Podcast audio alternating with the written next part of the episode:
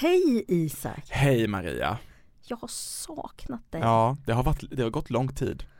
Ja, du har varit så himla upptagen. Det är väl kanske mer du som har varit upptagen. Nej, det är ju du som har varit upptagen Isak. Vi har båda varit lite upptagna, men nu Okej är i alla fall Klimatgap eh, tillbaka med besked. Det är vi! Ja, och vi är inte helt ensamma, vi är ju sällan det nu Nej, för vi är inte det. Vi ska liksom presentera en, en ny förmåga. Det, helt plötsligt så är det inte bara två personer som ska samsas om, om uppmärksamheten utan en tredje. Ja, det är inte en gäst dessutom. Nej, exakt. Utan det är så att vi har blivit tre helt enkelt. Ja, Och hon heter Moa. hej Moa! Hej. Om lyssnarna undrar vad vi ska göra idag så vet inte jag heller det riktigt. Men det är lite speciellt avsnitt i alla fall Moa och du har liksom fått den bollen att ta hand om det här avsnittet. Ja, därför att jag blir ju ny till det här eh, otroligt fina programmet. Jag älskar ju att lyssna på er. Eh, men jag har också gått tillbaka lite i tiden och lyssnat på ett avsnitt från 2020, alltså drygt eh, två år sedan.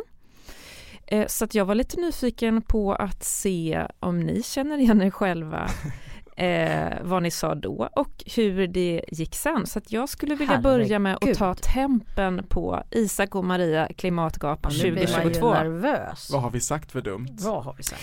Ni säger bara, bara, bara kloka saker. Men eh, om ni är redo att köra igång så skulle jag vilja börja med eh, första eh, citatet. Okej, spännande. Mm. Eh, då kommer det här och det man undrar är ju eh, om ni har blivit bättre på det här med klimat. Ja, då får du lyssna. Isak kommer först.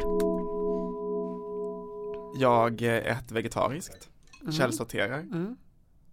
eh, jag har inga barn, eh, jag eh, har bara grön energi i min Mm. lägenhet. Mm. Jag har tätat mina fönster.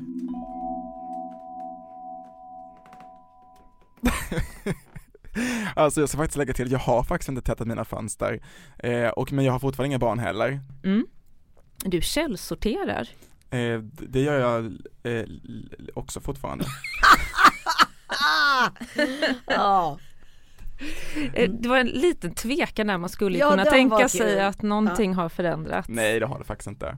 Eh, mm, nej, Nej. Jag, det jag källsorterar fortfarande. Ja, vad trevligt. Vi kommer inte gå i dina sopor och kolla. Nej. Eh, jo, mm. Ska vi lyssna på vad Maria gjorde bra då? Ja. Mm. det blir en lång lista.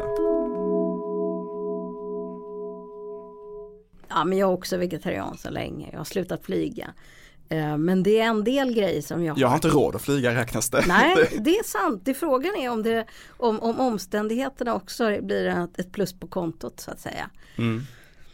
Ja, nej, Risken är att jag flyger som bara den sen när jag äntligen har råd igen. ja och skaffa, skaffa 12 barn. Och skaffa 12 barn och sen ta med dem till Maldiven allihopa. Ja.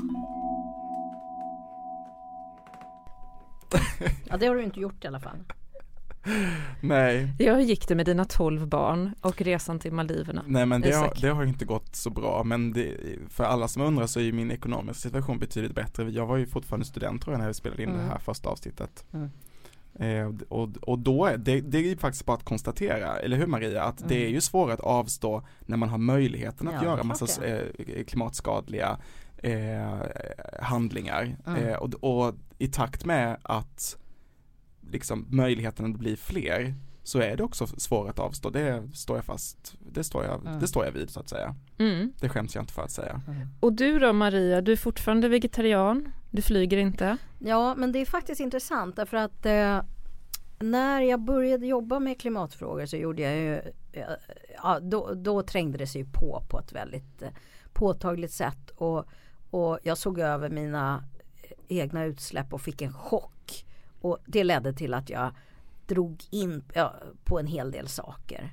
Men, och, och eh, var ganska nöjd med att det hade gått rätt bra även om jag ändå om det ändå säkert behövdes två jordklot för mitt liv bara genom att eh, eh, det är faktiskt också väldigt svårt att komma ner till eh, eh, riktigt låga utsläpp i och med att vi svenskar bara genom statens försorg har högre utsläpp än, än, än, än budgeten för en jordmedborgare om vi ska klara eh, klimatmålen.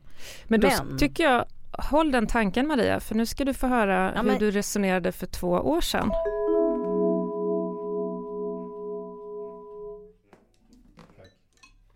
När jag, bör, jag gjorde en sån här eh, klimatkalkylator mm. eh, och upptäckte att eh, mitt flygande stod så här för 70-80% av mitt totala klimatavtryck. Jag tyckte inte ens att jag flög mycket.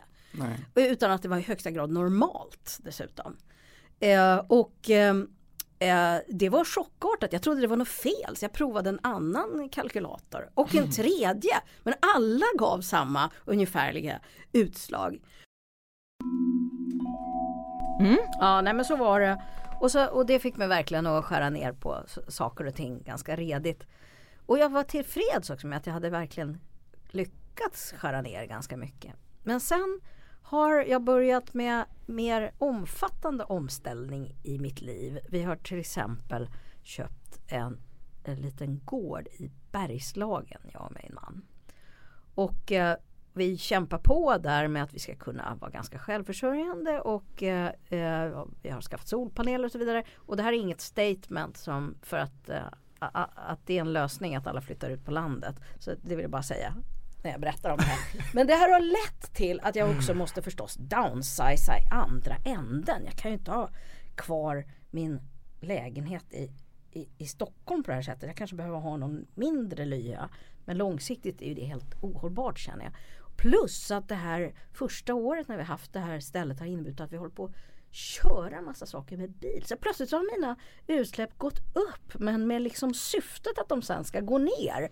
Eh, men det här tycker jag har varit ah. ganska jobbigt. För att jag kände mig ju faktiskt rätt så duktig ett tag där. Eh, ett ganska långt tag. Och just nu så känns det inte så. Ja, vi har planer men vi får väl se. Mm. Det var min nästa fråga. Mm. Eh, för då sa du att flyget var boven i dramat. Och vad är det nu som är boven i dramat? Det, ja, det är bilåkning och stora ja. bostäder. Mm. Eh, men, eh, men eh, Skäms på dig. Ja, skäms på mig. Men flyget, det, och jag kan gärna berätta om någonting annat som har hänt. Nämligen att det var, jag gick ifrån att tänka att flyget var någonting självklart positivt. Eh, och min, att min flyg, mina flygresor var helt normala. Och sen slutade jag med det och då hade jag fortfarande en stor empati och fördragsamhet med alla andra som fortsätter att flyga. Eh, för att jag förstod mig på hur det kändes och hur naturligt det var. Men sen när tiden har gått och klimatkrisen har blivit bara allvarligare och allvarligare och man inte längre kan säga att jag fattar inte hur stora utsläpp det var så har jag börjat känna mig mer och mer det är eh, på de som äter upp en stor del av jordens resurser på bekostnad av andra. Och det där får jag kämpa med. Så att jag, lite bitter har jag blivit på något sätt i, i med det här, det kan jag nog säga. Mm. Så mindre och bitterhet är en mycket klädsam egenskap. så mindre flygande mm. men också då en större ilska och irritation på andra ja. som inte gör samma Och då kan man ju tänka sig att det kan finnas många andra som är arg på mig då som inte helt har slutat åka bil då istället. Verkligen. Så att, för att inte tala om det, du ja. som bor i din lilla bostad och jag har. Kör ingen bil alls. Nej.